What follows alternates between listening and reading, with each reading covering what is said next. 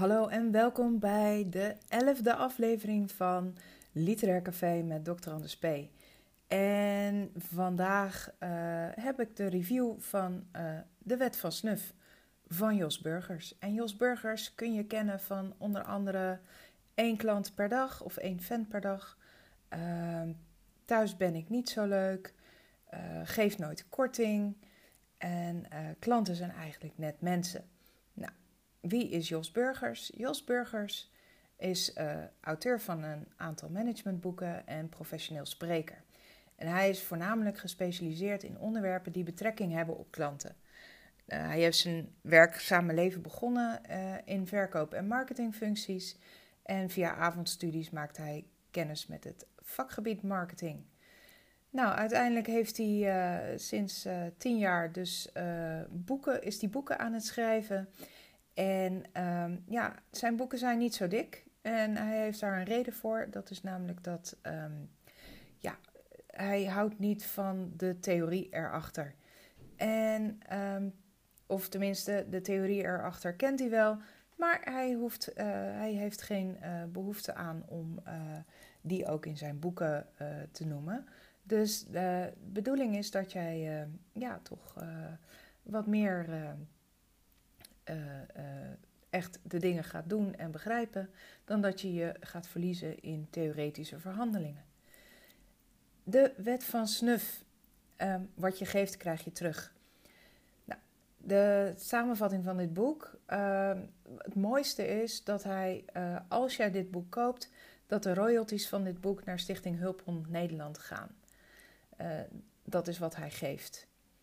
Nou, wat zegt hij? De royalties van dit boek gaan naar de Stichting Hulpond Nederland. Iedereen weet hoe het, hoe het principe van wederkerigheid werkt. Wat je geeft, krijg je terug. Een krachtig principe dat vrijwel altijd en overal opgaat. Het helpt om ons, ons om onze omgeving op een positieve manier te beïnvloeden, zodat we succesvoller zijn thuis en op het werk. Toch zijn er maar weinig mensen die de kunst van geven echt beheersen. En dit boek gaat daar verandering in brengen. In de Wet van Snuf beschrijft auteur Jos Burgers op een prikkelende manier waarom goede relaties beginnen met geven. Aan de hand van herkenbare praktijkvoorbeelden belicht hij de 26e belangrijkste manieren van geven. Hij laat bovendien zien welke voorwaarden en risico's eraan zijn verbonden en wat het uiteindelijk oplevert. Nou, de wet van snuf. De wet van snuf. Ja, ja. Snuf is de hond van uh, uh, Snuf is de hond van, uh, uh, van Jos. En um, nou ja, Jos die, die heeft een hond. En die hond is eigenlijk altijd vrolijk. Dus wie krijgt er meer knuffels? Zijn vrouw of zijn hond? Dat is een beetje zijn opening. nou, het boek heb ik gelezen en het boek bestaat, ehm, het bestaat, vooral, bestaat uit drie delen. En het is eigenlijk vooral voor mensen die al geloven in geven. Dat geven loont. Um, deel 1 vertelt hij waarom je zou moeten geven. Nou, um, ik heb al gezegd, hè, Snuf is de hond van Jos. En Snuf is altijd blij dat Jos thuis komt. Julia, zijn vrouw, niet altijd. Dat zijn Jos' woorden, niet die van mij. Um, wie wordt er het meest geknuffeld? Nou ja, het verband tussen knuffelen en de vrolijke snuf uh, is duidelijk. Uh, wat je geeft, krijg je terug. Dus als de hond altijd kwispelend op Jos afkomt lopen, dan krijgt die de knuffel. Als Julia niet kwispelend op hem afkomt lopen, krijgt ze geen knuffel. Nou, je kunt de wet van snuf dus inzetten om meer te krijgen. Bijvoorbeeld succesvol worden in je werk. Uh, iets heel simpels wat je dan kan doen, volgens Jos, is een potlood meesturen met een enquête. Want dan heeft iemand al iets in zijn handen om die enquête mee in te, uh, mee te uh, in te vullen. Uh, wederkerigheid, dat lees je ook al bij uh, Stephen Covey's Seven Habits of Highly Effective People. En Covey spreekt daar voornamelijk ook over de morele bankrekening. Als jij iets geeft, dan krijg jij namelijk een soort, ehm, ja, dan krijgt de ander een morele schuld bij jou. Dat zal dus betekenen dat hij die morele schuld wil inlossen. Um, en dat betekent dat je dus iets terug gaat krijgen. Nou is het natuurlijk niet de bedoeling dat jij gaat geven om terug te krijgen. In ieder geval niet met die intentie en met die persoon. Het is vooral belangrijk dat je eerst zaait en dan oogst. Nou, uh, Jos gaat ook verder in op uh, de spirituele wetten en, uh, van Deepak Chopra. En hij haalt ook overtuigingskracht aan, van, of overtuigen van Cialdini. wil je daar meer over weten, dan zal ik een linkje delen in de show notes naar Nanneke van Drunen, die daar ook weer meer over kan vertellen. Uh, het is ook iets heel boeddhistisch. Hè? je geeft iets positiefs, aandacht bijvoorbeeld, dan krijg je dat ook terug. En geven begint vooral met gunnen. Nou, de belangrijk, het belangrijkste is dan ook dat je meer geeft dan dat je neemt. En wie iets gedaan wil krijgen van anderen, zal eerst het evenwicht moeten verstoren. Dat betekent dat jij uh, de ander een morele schuld moet geven. En je zal dan eerst het evenwicht moeten verstoren uh, ik geef jou deze podcast. Jij zal wellicht op termijn denken: hmm, dat is een interessant boek, dat ga ik kopen. En je klikt op de link en dan krijg ik een heel klein beetje uh, compensatie door middel van affiliate linking. Dat leg ik ook nog wel even uit in de show notes.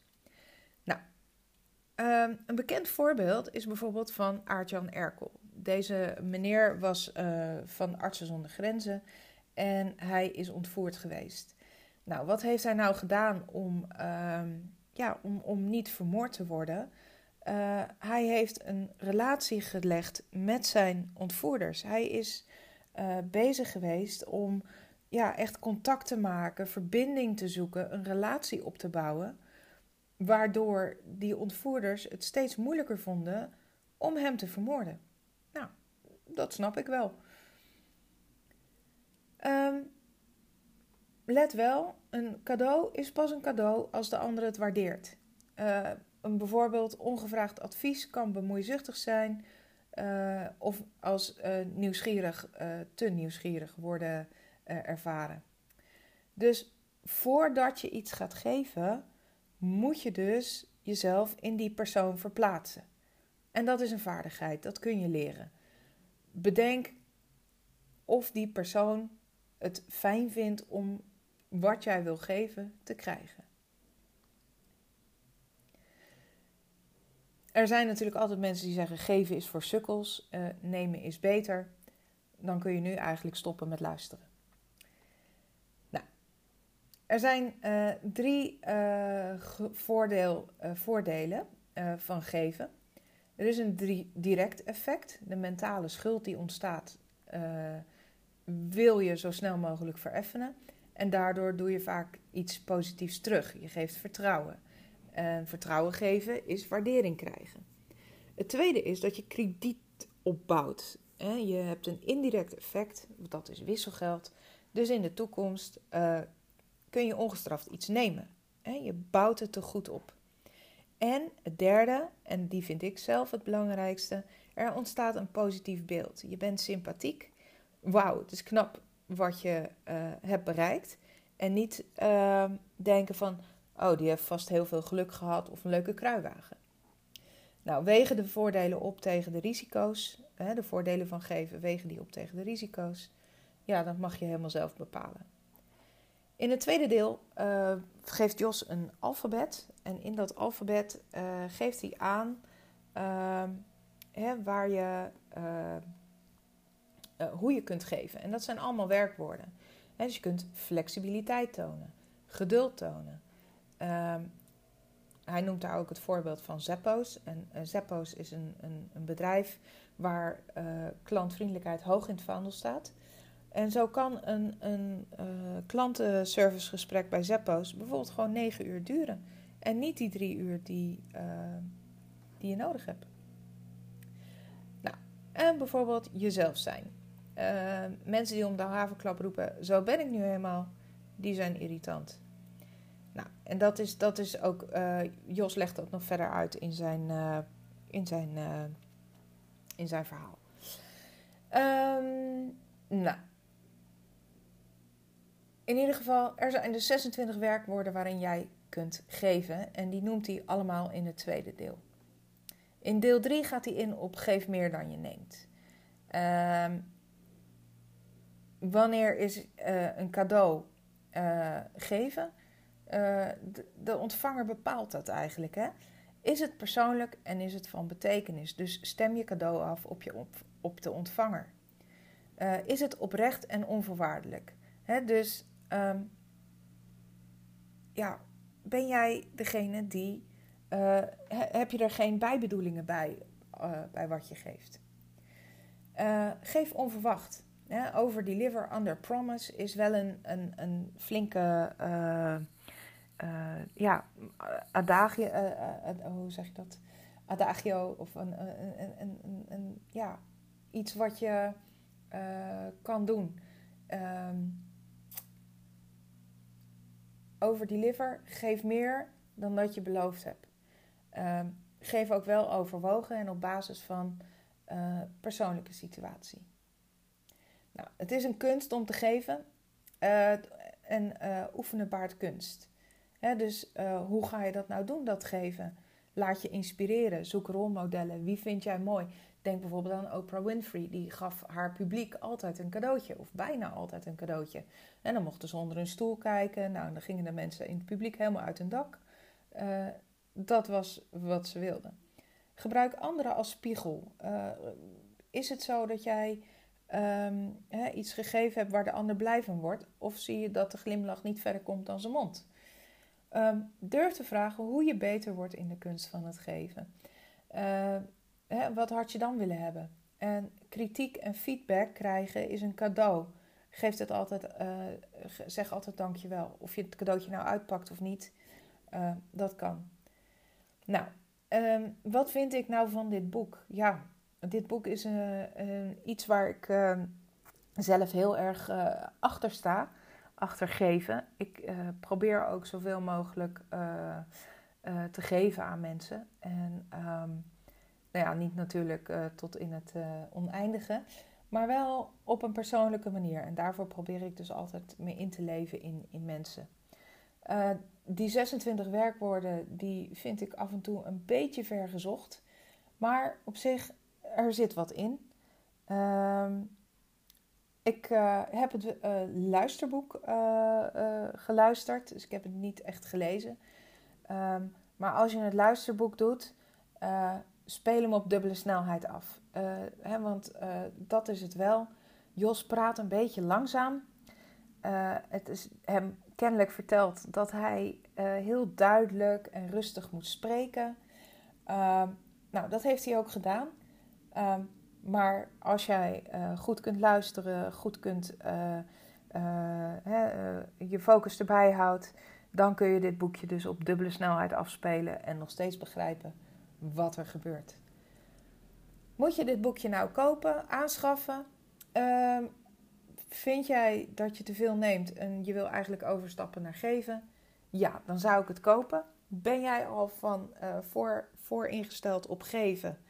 Koop het dan ook, want dan leer je ook in het tweede deel hoe je kunt geven, zonder dat je over je eigen grenzen heen gaat. Ehm, en ik denk uh, dat Jos Burgers weer een heel uh, interessant boek geschreven heeft met uh, veel humor. En ehm, nou ja, eigenlijk, ook al wil je het niet kopen, koop het omdat je naar de, de, de opbrengsten naar de Stichting Hulpbond gaat. En dat is gewoon een supergoed doel. Nou, dit was mijn review voor Jos Burgers boek over geven loont. En um, ik hoop dat je het een interessant boek vindt. En ik zie je graag volgende, of ik zie, ik hoor je graag, nee. Ik hoop dat je volgende week luistert, want volgende week spreek ik Liane Baltus. En zij is een, zij heeft al een aantal boeken uitgegeven um, waaronder Het Derde Verbond. En ze heeft een uh, boek geschreven met haar dochter in de categorie Young Adult. En ik denk dat je die ook echt, echt, echt uh, moet lezen. Um, het is niet de standaard Young Adult, maar daar ze het volgende week over. Dus dankjewel voor het luisteren naar deze aflevering, aflevering nummer 11. En uh, tot de volgende keer bij Literair Café met Dr. Anders P.